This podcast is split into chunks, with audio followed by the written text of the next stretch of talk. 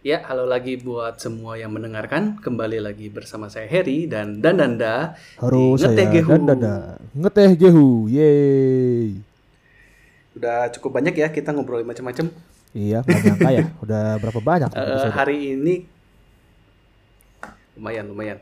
Ya, hari ini kita mau ngobrol semi renting lah ya, semi renting eh mengenai eh, Nintendo Switch di tahun 2020. Yeay. Yang nggak tahu renting itu apa? Misuh-misuh kita bakal sini. Ngomel-ngomel. Curhat, curcol, curcol.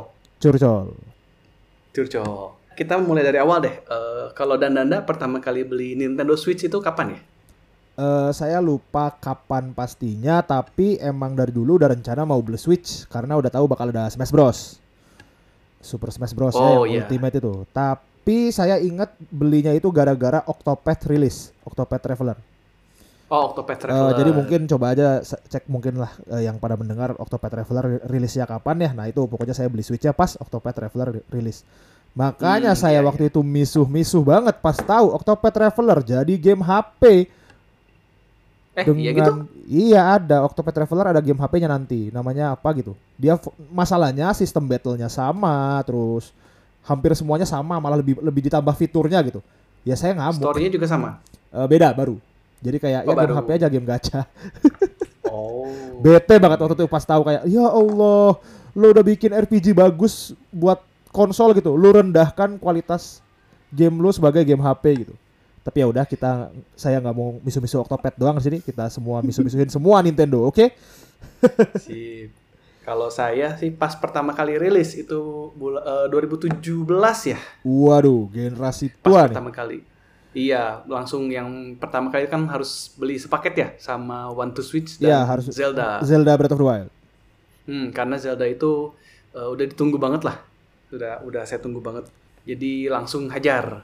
Hajar play. Apalagi kan portable ya. Kalau Iya, iya, iya. saya jujur prefer portable daripada yang di bawah TV itu. Konsol rumahan, home console. Konsol rumahan. Home console itu saya jauh lebih prefer portable dan emang dari dulu seneng portable-nya Nintendo jadi eh, begitu keluar begitu announce sebenarnya begitu announce langsung PO langsung hajar. Wede. Ya karena memang juga Switch itu juga waktu di announce juga orang-orang dari dunia teknologi juga pada muji-muji ya salah Muji-muji satu banget ya, iya. gebrakan baru di dalam maksudnya nggak cuma gamer gitu loh orang-orang ekonomi orang-orang eh, insinyur-insinyur saintis itu pada muji-muji eh, suatu penemuan terbaru lah dobrakan terbaru di dunia hardware gitu Iya, sebenarnya konsepnya simple ya, cuman nggak ada yang kepikiran sampai bikin begitu ya. Iya, nggak ada nggak ada yang namanya juga bagus kan switch switch dari Switch. portable ke home ke rumahan gitu. Terus juga Iya. tinggal ditaruh, tinggal diceklek gitu kan simple. Hmm, bener bener bener bener.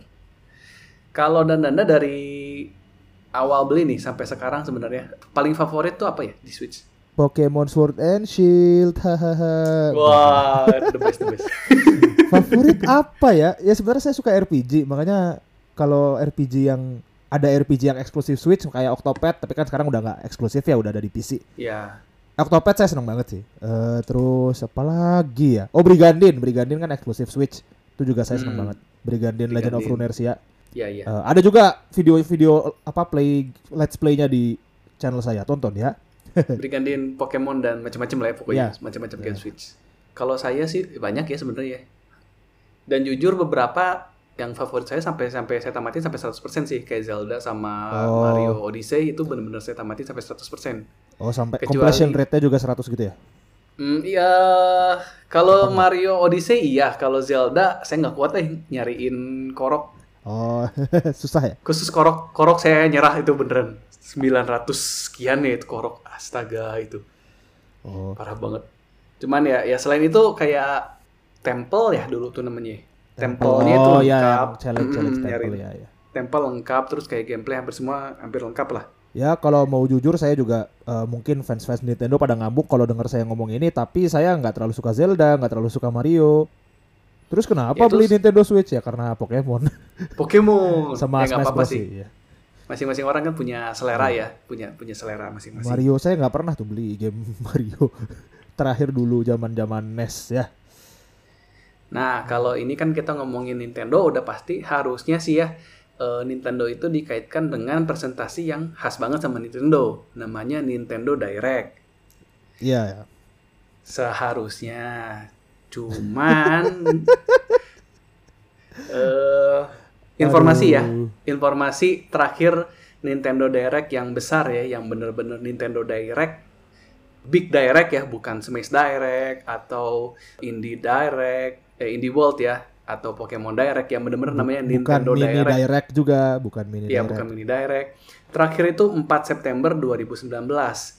Yang berarti kita rekaman tuh Aduh. eh, sekarang tuh 29 Agustus yang kurang lebih seminggu sebelum anniversary setahun direct terakhir. Oh, pantas aja mau dibahas sama Bapak Nah, Bapak Harry ya. iya Ya kita makanya mau kita mau merayakan eh, udah setahun nih gitu kan. Tayanginnya kalau perlu nunggu aja pas tayang. pas Iya tahun. makanya. Aduh, eh, kerasa banget lah, parah banget gitu dan style Nintendo jadi tahun di tahun ini jadi beda banget ya sama sebenarnya tahun-tahun sebelumnya. Iya. Cuman sebenarnya gini, first party saya sebutin dulu lah ya. Sebenarnya nggak kering-kering amat sih ya di 2020 tuh. Karena kalau kalau kita lihat gitu ya, first partinya Nintendo itu di 2020 dia udah ngeluarin Animal Crossing yang penjualan base di Switch ya sampai sekarang. Iya dan dia yang Ngalahin yang Po- bikin Nintendo itu jadi perusahaan paling tajir di tahun 2020 itu Animal Crossing doang ya. ya ya Animal Crossing mengalahkan Pokemon, mengalahkan Smash, mengalahkan Mario dan Zelda itu best seller, bener-bener best seller nomor satunya. Bukan di tahun 2020 aja, tapi di seluruh hidupnya Switch itu sekarang Animal Crossing. Oh, saya baru tahu. Terus, ya itu itu full. Terus Pokemon Mystery Dungeon yang di announce juga di Pokemon Direct ya, Pokemon Iya. Direct Januari kemarin.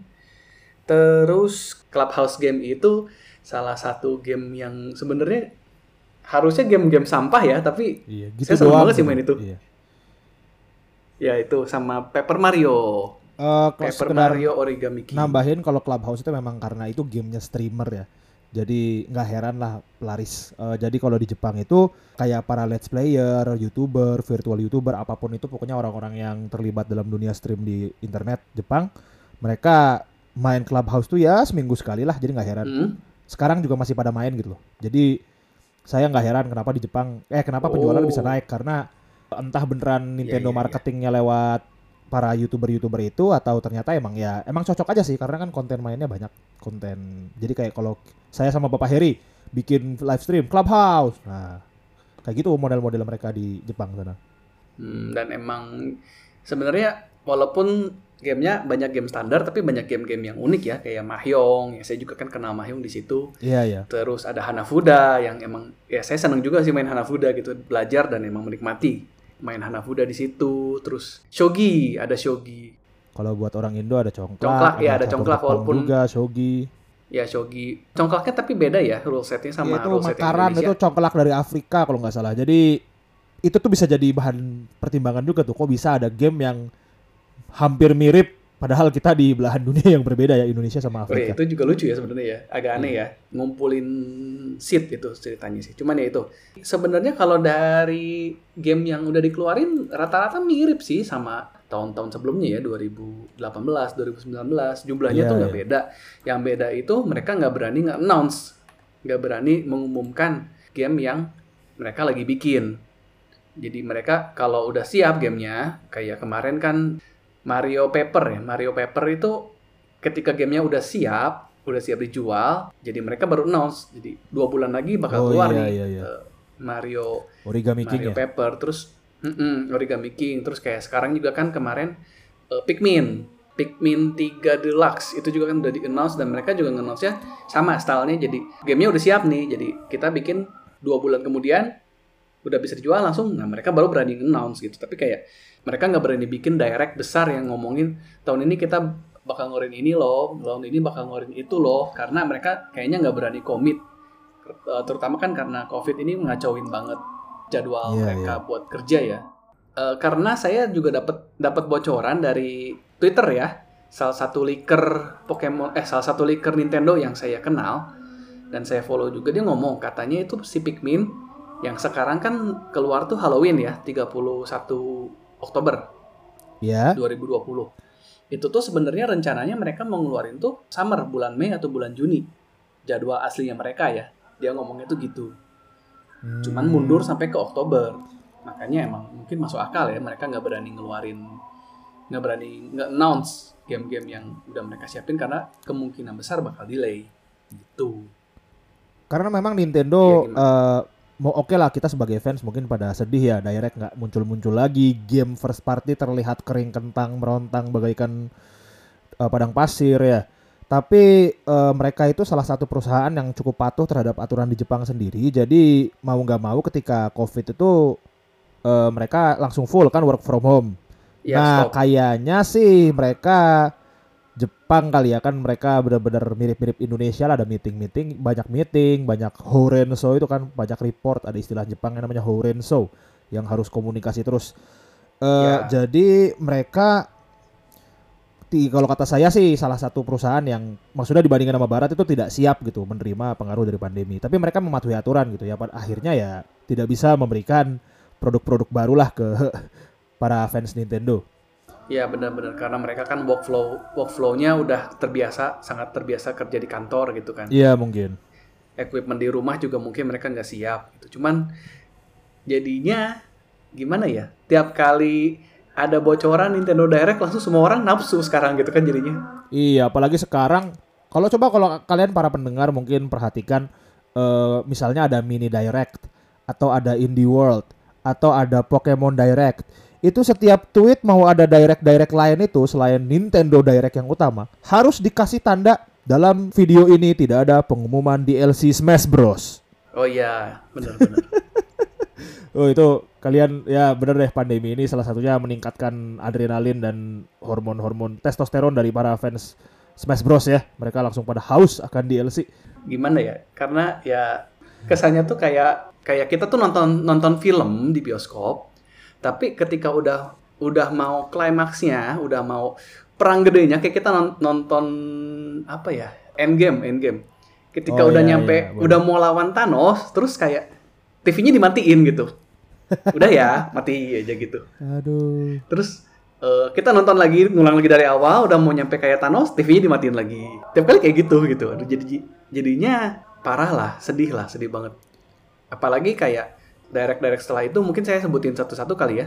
Habis direct yang gede itu ada dua Smash Bros eh, announcing Banjo Kazooie sama Terry Bogard ya itu waktu itu. Oh, udah dari situ ya? Udah nggak ada direct Ah. gede lagi. Ngeri Ya, juga. dari dari direct itu langsung eh, 4 Se- eh, 4 September itu kan habis direct ya, habis direct langsung dia eh, presentasi yang Banjo Kazooie karena kan itu announcement barengan sama direct. Iya, iya. Terus dari September ke November eh, announcing Terry Bogard. Habis itu Desember ada Indie World. Nah, in- Indie World dari Indie World masuk ke 2020 Januari itu masih normal ya sebenarnya jadwalnya ya. Iya. Itu Pokemon Direct yang nge-announce DLC-nya. DLC. Oh ya itu gede banget ya. Hmm, DLC Sword and Shield sama Mystery Dungeon. Buat Mystery Dungeon buat bulan Maret ya, Maret April itu kalau nggak salah. Habis itu seminggu kemudian eh, Smash Direct lagi, announcing by Leth. Terus eh, Animal Crossing Direct bulan Februari. Jadi buat promosiin Animal Crossing juga. Cuman ini full Animal Crossing ya, nggak ada apa-apa lagi Iya, iya. ceritain detail yang buat Animal Crossing bulan Maret ya jadi sebulan sebulan sebelum Animal Crossing habis itu Indie World lagi bulan Maret nah, kalau Indie World tetap konsisten ya sekitar kurang lebih tiga bulan sekali sih. Tiga empat Oh. bulan sekali lah. Itu terus udahnya Direct Mini. Direct Mini yang bulan Maret. Cuman ya itu habis habis itu Juni Direct lagi yang Smash announcing Min Min. Itu terakhir ya terakhir sampai sekarang belum ada lagi Smash Direct lagi habis Min Min. Eh, Min Min tuh tanggal tanggal berapa? Juni 2022 Waduh. Juni Agustus September Ah, ya. Juni Juli Agustus I- tiga bulan nih udah tiga bulan harusnya udah bentar lagi bakal keluar lagi sih cuman ya nggak tahu ya itu pasti kedelay juga Eh, Sakura juga kan di yang Min Min sempat cerita ya dia eh, kacau banget Iya, iya, workflow-nya kacau, dia kacau banget gara-gara pandemi. Mm-mm. Nah, abis itu bulan Juli, nah ini yang banyak dicecer, banyak dicerca sama orang. Itu Direct Mini, tapi ada embel-embelnya Partner Showcase. Oh iya iya iya. Yang Partner Showcase itu ya yang- yang pertama.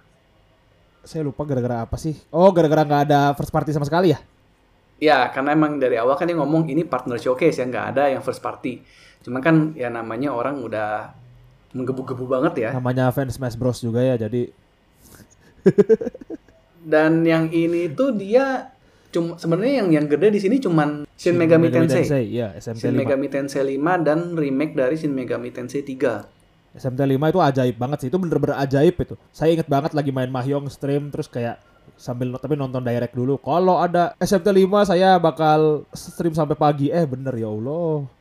Itu saya manas-manasin sih. Iya, sampai Iya, pagi gue iya, tapi bener loh SMT 5 kayak yang soalnya kita bener-bener sebagai saya juga saya juga jujur fans Shin Megami Tensei saya main semua Shin Megami Tensei Persona saya main juga kecuali Persona 5 jadi ya SMT 5 tuh kayak kita udah pada pasrah lah udah terserah mereka lah mau beres kapan gitu loh. Eh beneran jadi tiba-tiba. Ya, dan tapi kan yang yang heboh cuma Shin Megami Tensei dan itu kan sebenarnya uh, cult cult following ya. Iya dan iya dan dan mainstream lah. fans Nintendo pengennya Persona 5 para Ya, normis-normis itu. Jadi gara-gara kasus itu kalau kalian cek di Metacritic itu Shin Megami Tensei game-game lamanya itu di negatif review semua itu di nol-nolin semua review reviewnya.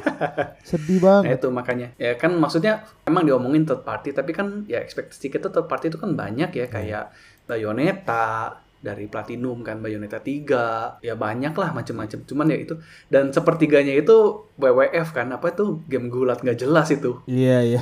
Iya iya game gelap. saya saya nonton ini apa kenapa iya. masuk ke direct gitu kan dengan game kualitas kayak gini Cuma ya kira-kira kenapa ya? Apa yang membuat mereka nggak berani ngasih? Buktinya mereka kan bikin gitu loh. Paper Mario mereka bikin. Terus Pikmin 3 ya meskipun remaster, mereka juga bikin istilah game first party. Cuma kira-kira Hmm. apa ya yang membuat mereka tidak berani mengumumkan? Apa gara-gara Metroid Prime itu? Metroid 4 ya?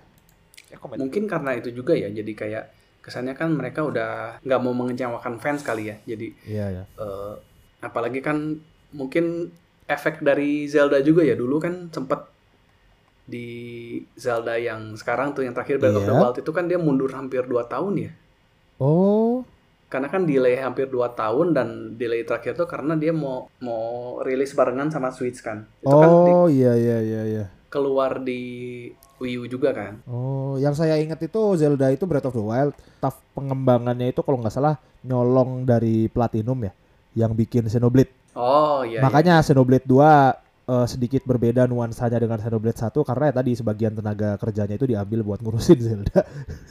Ya nggak apa-apa sih jadinya one of the best game kan iya, Zeldanya best the best of the best game, Xenoblade-nya best ya best Xenoblade 2-nya mengundang fans baru kan fans wibu jadi cocok lah. itu ada ada simulator gacha juga kan di Xenoblade 2 ya Bukan simulator gacha lagi, itu karakternya gacha coy.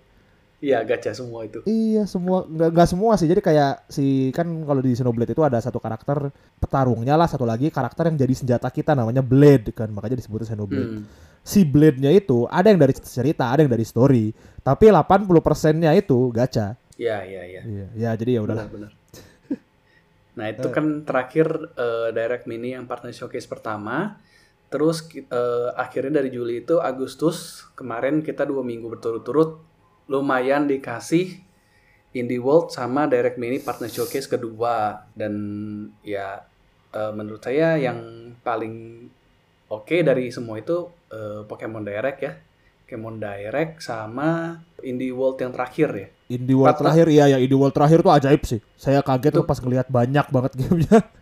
Iya dan dan itu biasa kan kalau Indie World mereka pasti kan ada lah satu game itu pasti selalu trailer nih game dan available now gitu kan bisa langsung dibeli di eShop. Iya kalau iya. daerah iya. kalau Indie World yang ini bener-bener kayak ini game udah ada loh di toko, game lagi nih udah ada lagi di toko, ini game udah ada lagi di toko, sampai 6 game itu saya ngitung kemarin.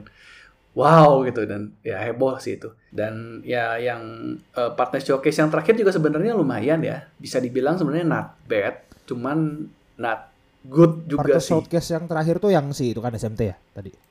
Eh, bukan, yang terakhir itu yang kemarin, yang eh, Puyo Puyo Tetris 2. Yang paling memorable itu Puyo Puyo Tetris 2 sama Ah, oh yang kemarin mini direct beneran kemarin yang ngedadak gak ada pengumuman sama sekali itu.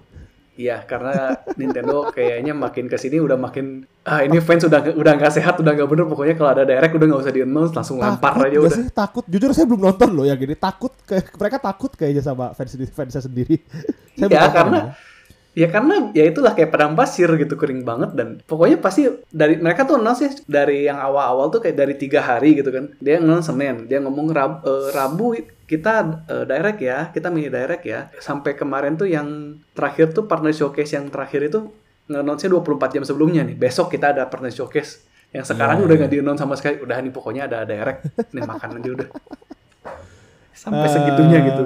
Cuman yang lucu dari partner showcase sebenarnya dari dua dua dua partner showcase itu eh, yang Jepang sama yang Amrik agak beda ya isinya. Eh, iya beda. Karena memang ada beberapa game eksklusif yang dari Jepang itu kan kayak misalnya Ya. Monster Rancher 2 yang saya inget.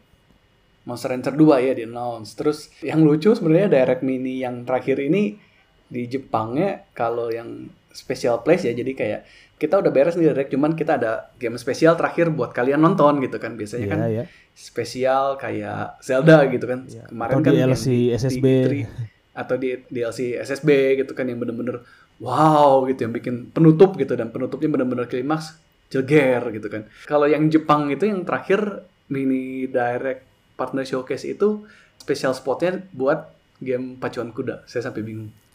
Kita bener-bener Oh iya iya ada pacuan kuda ya. Iya. Jadi Aduh. oke eh, budayanya Jepang dan Amerik beda jauh ya. Sangat hype sekali kayaknya di sana. eh, Iya ya game, pacuan apa, kuda hype. Karena memang mereka banyak ini kan tempat eh, tempat buat sekedar eh mungkin rada-rada out. Tapi mereka itu kalau pacuan kuda itu banyak tempat yang cuma jual tiketnya doang. Jadi Ya. Kayak tempat buat ngumpulnya itu biasanya nggak ada kudanya justru gitu. Di situ buat beli tiket, buat Oh. dengerin. Jadi kayak ada satu ada banyak markas yang dijadikan tempat-tempat buat orang ngedengerin live-nya gitu, nonton atau Iya, nonton iya. live-nya. Tapi nggak ada kudanya di sana gitu. Makanya ya cukup Hmm. laris lah. Ya memang hobi Jepang Iya. salah satunya judi kuda ya. Iya, kar- kasarnya kar- gitu. karena mereka tuh judi kan nggak boleh. Iya bener.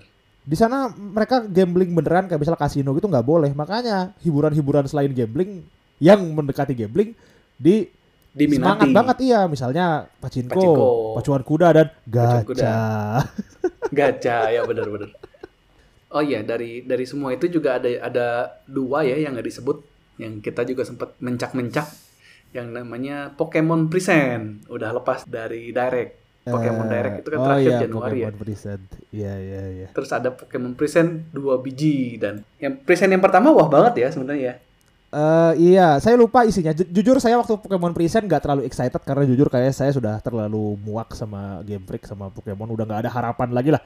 Jadi Yang pertama itu yang saya sangat memorable itu ada remake dari Snap kan, Pokemon Snap. Oh iya remake. Pokemon Snap. Plus eh, game HP dua biji, Pokemon Cafe sama Pokemon Smile. Oh Eh, iya yang buat aplikasi anak kecil gosok anak gigi. kecil ya. Tuh. Eh, iya iya jadi Pokemon Present itu kan memang tadi konten kan ada dua ya, udah dua kali ya kalau nggak salah. Selisihnya cuma Udah seminggu dua ya. kali. Iya, selisihnya cuma seminggu. Present yang Nah. pertama yang masih ada hubungan sama eh, Switch, cuman dan dari situ mereka nge-hype eh, tungguin ya kita minggu depan bakal ada Pokemon Present lagi. Iya, karena- jadi yang bikin masalah Pokemon Present itu buat yang nggak tahu karena mereka dua kali. Di yang pertama Ya. itu Pokemon Present keduanya itu di hype banget gitu loh. Kayak kita bakal ngasih sesuatu yang wah, yang megah gitu loh. Terus Iya dan ya itulah eh, udah banyak spekulasi tuh karena kan eh, announcement yang terpisah berarti kan eh, nggak muat tuh di Pokemon Direct yang pertama kan Eh, harus terpisah gitu karena kan gamenya jauh lebih besar daripada yang udah di announce di yang pertama which yang paling yang paling besar di yang pertama itu kan Snap Remake Iya, iya, gitu. iya.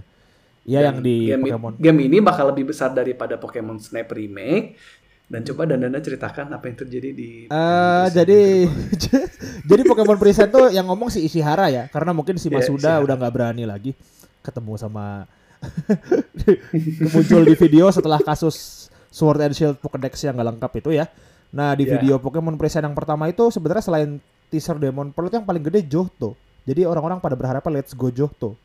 Oh Karena yang- di iya, belakang itu antara- ada starter Gen 2 si Feraligatr, Trip- Tiplosion, ada Lugia Ho-Oh, ada Espeon Umbreon. Paling kelihatan tuh Gen Gen 2 gitu loh. Oh ya, Let's Go Johto. iya, berarti. jadi orang-orang pada berharap minimal Let's Go Johto atau remake dari Pokemon yang salah satunya paling imba Heart Gold, Soul Silver, Oh, coy. Itu udah keren Remake banget kan? Pak Heri kan waktu Iya, itu main keren banget kan lah. Iya, iya. Terus ada Pikachu lah. dua di belakang Pikachu kuning, Pikachu hitam. Saya nggak tahu maksudnya apa, tapi biasalah ada yang nyocok-cocokin juga sama generasi 2 Pokemon. Jadi orang-orang berharapnya itu. Di belakang juga generasi 2 semua ini. Politon, Iya, Amparo, Sudowoodo. Itu generasi 2 semua. Yang didapat adalah video yang akhirnya jadi gini. Apa yang terjadi? Ternyata Pokemon melakukan kerjasama dengan Tencent untuk Tencent. membuat MOBA. Iya, kalian tidak salah dengar Mobile Legend atau Dota tapi Pokemon. Rada-rada ya. Pokemon Mobile Legend lah ya intinya Iya. itu. Dan mereka di presentasi yang kedua itu sangat menghindari kata-kata MOBA. Iya, benar-benar mereka bilang apa sih? Arena co-op Ko- kooperatif, kooperatif, new experience kooperatif Pokemon game. Mereka nggak ada nyebut sama sekali MOBA. Ajaib. Iya, itu menghindari banget. Tapi jujur eh, saya ya saya sebagai content creator ya harus main gitu apalagi kan ngakunya suka Pokemon eh, tapi nggak nggak, jujur saya cuma berha eh, nggak nggak saya nggak berharap saya mudah-mudahan Tencent dan tim Pokemon tidak serta-merta menjiplak MOBA yang ada di pasar terus cuma diubah skinnya jadi Pokemon. Oke lah kalau UI, tampilan, arena gitu itu terlalu mirip sama MOBA lain, mirip AoV, mirip Mobile Legends, tapi minimal sistemnya lah. Karena Ya, kalau kata ya. orang-orang sistemnya ini mirip sama Heroes of the HOTS ya, Storm. Heroes Hot- of the eh, Storm. Iya Heroes of the Storm Heroes yang of the Storm punya nya si Blizzard. Blizzard. Dan juga kalau nggak salah kan bukan ini, dia bukan ngancurin ya, tapi ngumpulin poin. Kalau nggak salah sampai yang paling Ya, gede. ngumpulin poin, pakai Jadi, gede poin. jadi Bukan memang bunuh-bunuh. mereka tetap bikin MOBA, cuma konsepnya tetap yang ramah sama anak-anak ya. Anak-anak. Hmm. Ya.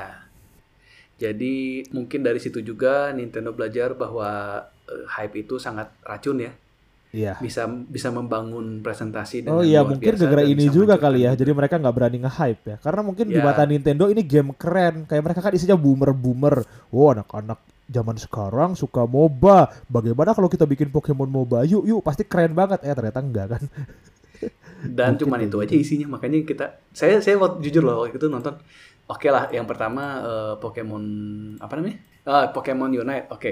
Yang pertama itu Pokemon Unite oke lah.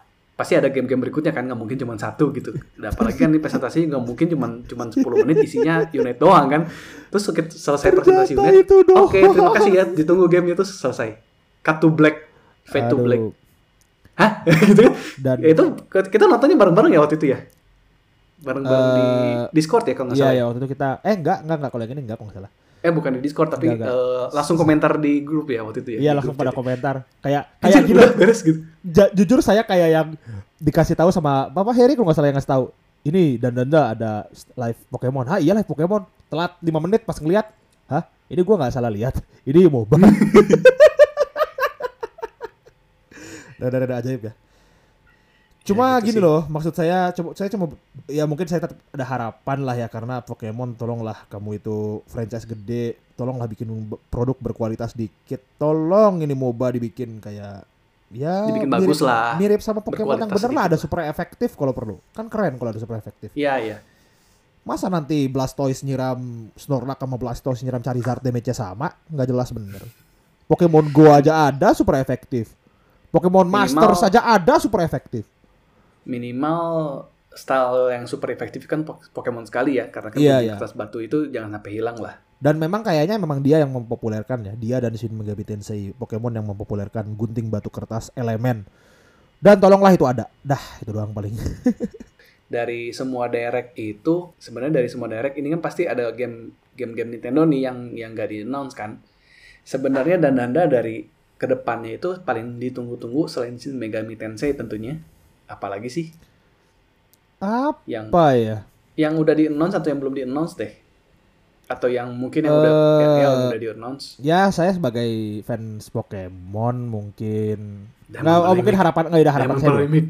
Enggak enggak harapan saya dua. Yang pertama tolonglah Nintendo itu Bravely Second itu tahan lah tolong jadi eksklusif Nintendo Switch gitu. Bravely, iya. eh Bravely Default 2 salah bukan Bravely Second. Emang rada-rada Bravely Square Default Enix tuh otaknya rada-rada nggak nggak jelas ya. Udah bikin Bravely Default, Bravely Second. Terus Bravely game ketiganya Bravely Default 2. dua ya ngelihat eh, judul-judul Kingdom Hearts ya nggak heran lah. Jadi saya cuma berharap satu tadi eh, ada RPG RPG eksklusif lah kayak Octopath, kayak Bravely Default 2 karena saya jujur lebih senang RPG dan dulu kan karena dan game-game RPG Jepang atau game Wibu RPG gitu kan dulu kan ranahnya Vita. Ya. Tapi Vita sekarang udah nggak ada. Nah, Switch harusnya sih bisa ngambil pasar itu, cuma ya saya nggak tahu. Karena memang secara dari segi developer katanya sih Switch emang yang paling beda sendiri masalah pengembangannya. Ya. Jadi Switch sama produk-produk iPhone jadi rada-rada orang-orang biasanya kayak kemarin yang Kickstarter penerusnya Suikoden, Eiyuden Chronicle itu mereka udah Hmm. bilang mereka rada-rada malas mindahin ke Switch karena uh, Beda udah sendiri. karena beda sendiri. Jadi mereka nggak mau ngabisin waktu cuma buat mindahin ke Switch doang yang kualitasnya bisa lebih jelek gitu.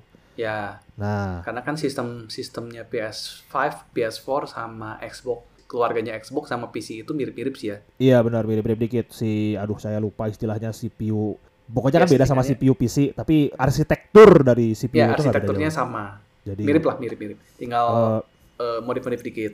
Ya Kalau Switch, Switch gitu. dia beda. Nah jadi saya harap tolong lah mungkin Nintendo ada kaget juga ngelihat dulu pas zaman Wii U marah-marah ini mana third party masa first party doang terus sekarang udah ngundang third party meskipun indie ini kenapa third party doang mana first partinya gitu Hmm. Cuma kalau kata saya mengundang third party itu gerakan yang bagus karena dari dulu dari zaman NES Nintendo itu memang tidak ramah terhadap third party. Mereka biaya Ya. pembuatan kasetnya bisa lebih mahal ya. Jadi kayak misalnya Ya, kalau sama first party harganya cuma 20 dolar sama third party harganya bisa 30 dolar per kaset. karena satu-satunya konsol yang pakai cartridge. Iya benar sekali mereka betah pakai cartridge-nya baru pas mulai GameCube ya pakai CD apa N64 Ya GameCube, eh GameCube, GameCube ya.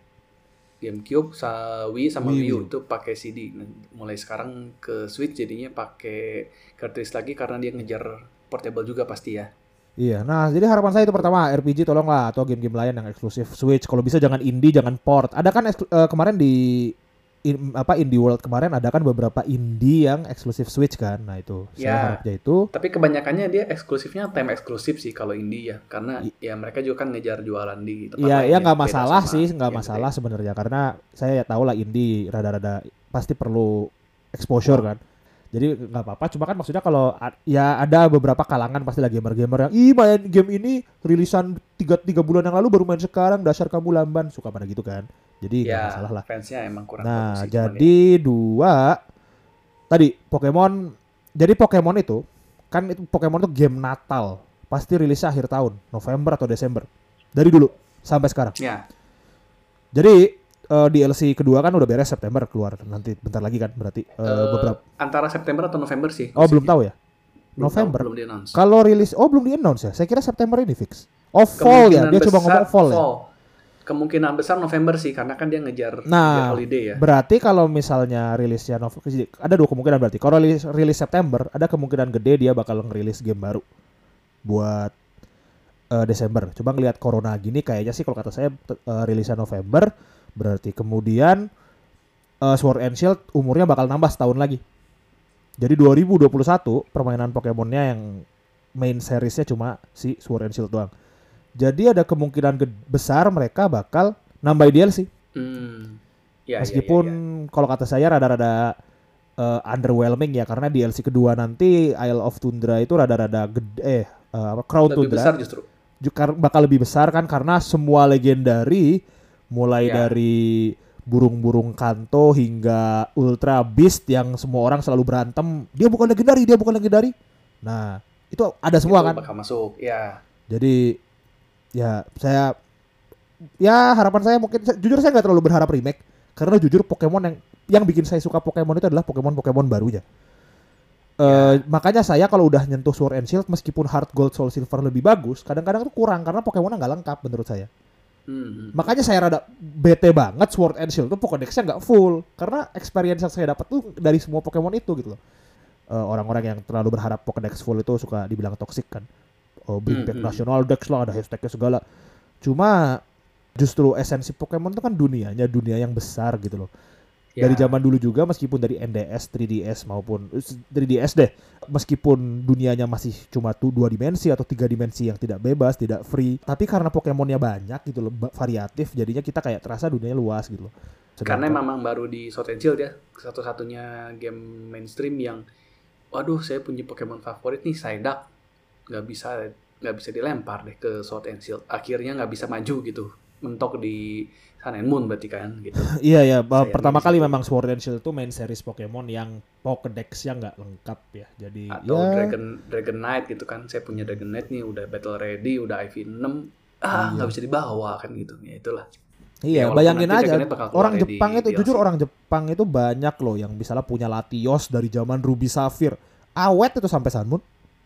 Ya makanya gitu kan cuman ya sayang sayangnya itu Ya, aja. jadi itu. tapi saya tadi dari tadi ngalor ngidul uh, ujung-ujungnya ngata-ngatain Pokemon. Pokemon lagi. tapi eh, harapan saya tadi mungkin Pokemon tolonglah ada ya DLC 3 berarti ya. Ya berarti DLC harapan 3 saya mungkin DLC 3 Soalnya saya udah kebayang nih meta kalau dalam Pokemon kompetitif meta 2021 kalau masih pakai Sword and Shield kayak apa? Pasti boleh pakai legendary. Boleh pakai Ya. Groudon dan kawan-kawan. Ya udah mentok sih udah nggak udah nggak bisa ngapa-ngapain Iya, lagi. kan. variatif kayak zaman Ultra Sun Ultra Moon 2019 berarti. Boleh bawa legend. Tapi berubah-ubah nanti kayak misalnya dulu Ah atau oh deng, ada deng harapan saya yang bener-bener harapan ya. Balikin Ya. Mega sama Zimove. Dah. Oh, DLC DL the new DLC jadi ada eh, Mega ya. Ya. Itu menarik sih. Bayangin aja coy, Pokemon kita Itu ada sih. Pokemon gini aja, main misalnya main Battle Spot single, ada tiga Pokemon kan, terus Ya. bisa Mega, satu bisa Mega, satu bisa Zimove, satu bisa Dynamax. Dan Rusuh, jangan kan? coba coba jangan jangan berharap sama Pokemon itu. Eh, oh ya benar juga sih sayang Kayaknya selalu nggak mungkin tahu. Bapak Heri eh, jangan berharap, cuma enggak enggak saya tetap berharap jadi ya udahlah. Itu doang. Kalau Bapak Heri gimana harapannya? Harapan saya kepanjangan nih kayaknya ngomongin Pokemon doang. Kalau saya jujur nggak usah terlalu muluk-muluk ya. Saya dari dulu banget pengen mainin yang namanya Pikmin. Belum kesampaian. Oh, Dan ya akhirnya kan udah-udah gosip ya dari awal awal Switch 2017 itu Pikmin 3 Deluxe bakal keluar. Pikmin 4 sih, Pikmin 4. Iya, Pikmin 4 Cuman- bakal ada di Switch. itu Hmm, gimana? cuman- Pikmin 4 bakal rilis gak sih jadinya? Dari dulu itu si Nintendo ngomongnya selalu masih in development ya, nggak pernah ngomong. Aduh tapi jangan apa? Ingat nggak game Pikmin yang di 3DS? Hey Pikmin bukan deh? Hey Pikmin ya, aduh jangan jangan dianggap itu Pikmin 4 lah, tetap in development lah. Itu dari dari situ belum belum ngomong lagi sih cuman ya itu. Iya, iya, iya. berharap ada Oke. Pikmin 4 karena kan Pikmin itu jadi kan kalau Nintendo itu mereka kan setiap genre punya gamenya kan. Kayak kalau Iya, per- platformer kan pasti Mario kalau adventure pasti Zelda. Nah kalau kalau strategi game strategi real time strateginya Nintendo itu Pikmin gitu kan. Kalau turn based nya kan Fire Emblem. Emblem. Iya. kalau real time strateginya itu Pikmin gitu. Dan emang kan selalu Nintendo itu kan ngambil yang genre-genre rada, rada aneh itu kan selalu beda sama yang lain kan. Contohnya apa? Smash. Game fighting yang nyeleneh dia nggak beda sendiri gitu Mereka dari sekarang- dulu eh, membuat selalu membuat do- dobrakan dalam game design ya. Smash Bros, Hmm. Splatoon, Pikmin, Splatoon. Arms itu baru semua lah. Nah, syutingnya Nintendo kan Splatoon dan itu juga kan sama beda sendiri kan. Hmm. Selalu family friendly dan sistemnya beda dan ya itu Pikmin itu kan strategi yang sistemnya beda dan eh, ya style ceritanya juga kan beda kan. Beda beda sendirilah, unik, Iya, unik iya, banget. iya. Dari dulu saya pengen mainin itu dan akhirnya eh, nanti enggak belum sih, cuman ya nanti Oktober. Sementara itu cuman ya ke depannya juga saya pasti nungguin Pokemon dan berharap ya minimal Pokemon 2021 better lah ya. Minimal dari segi cerita lah saya nggak nggak berharap Soul Silver atau Heart Gold sih. Cuman minimal ceritanya dong jangan kayak Sword and Shield banget lah. Dan emang selalu Aduh. Aduh, cuman ya itulah saya kecewa banget sama cerita Sword and Shield. Cuman emang sistem dari Sword and Shield oke banget sih ya. Sistem. Eh, iya jadi sebenarnya emang Sword and Shield itu ini jadinya Seperti yang ya kita Nintendo atau ngomongin kayak Sword and Shield lah. sih. Sword and Shield tuh banyak balik-balik ngomongin Pokemon-Pokemon lagi ya. Nggak, nggak jauh dari Sword and Shield tuh banyak ini loh, qual- quality of life improvement. quality of life Iya, improvementnya jadi ya enak banget. memudahkan eh, orang-orang para pemain baru yang pengen punya Pokemon yang statusnya bagus, jurusnya lengkap gitu lebih gampang. Iya, iya, sama Zelda Breath of the Wild 2 Oh iya, yang udah Ya, di itu semua semua teman saya yang tahu saya punya Switch selalu marah-marah itu. Kenapa kamu nggak main Zelda? Ya gimana nggak suka? ya maklum saya lebih normis ya daripada Iya.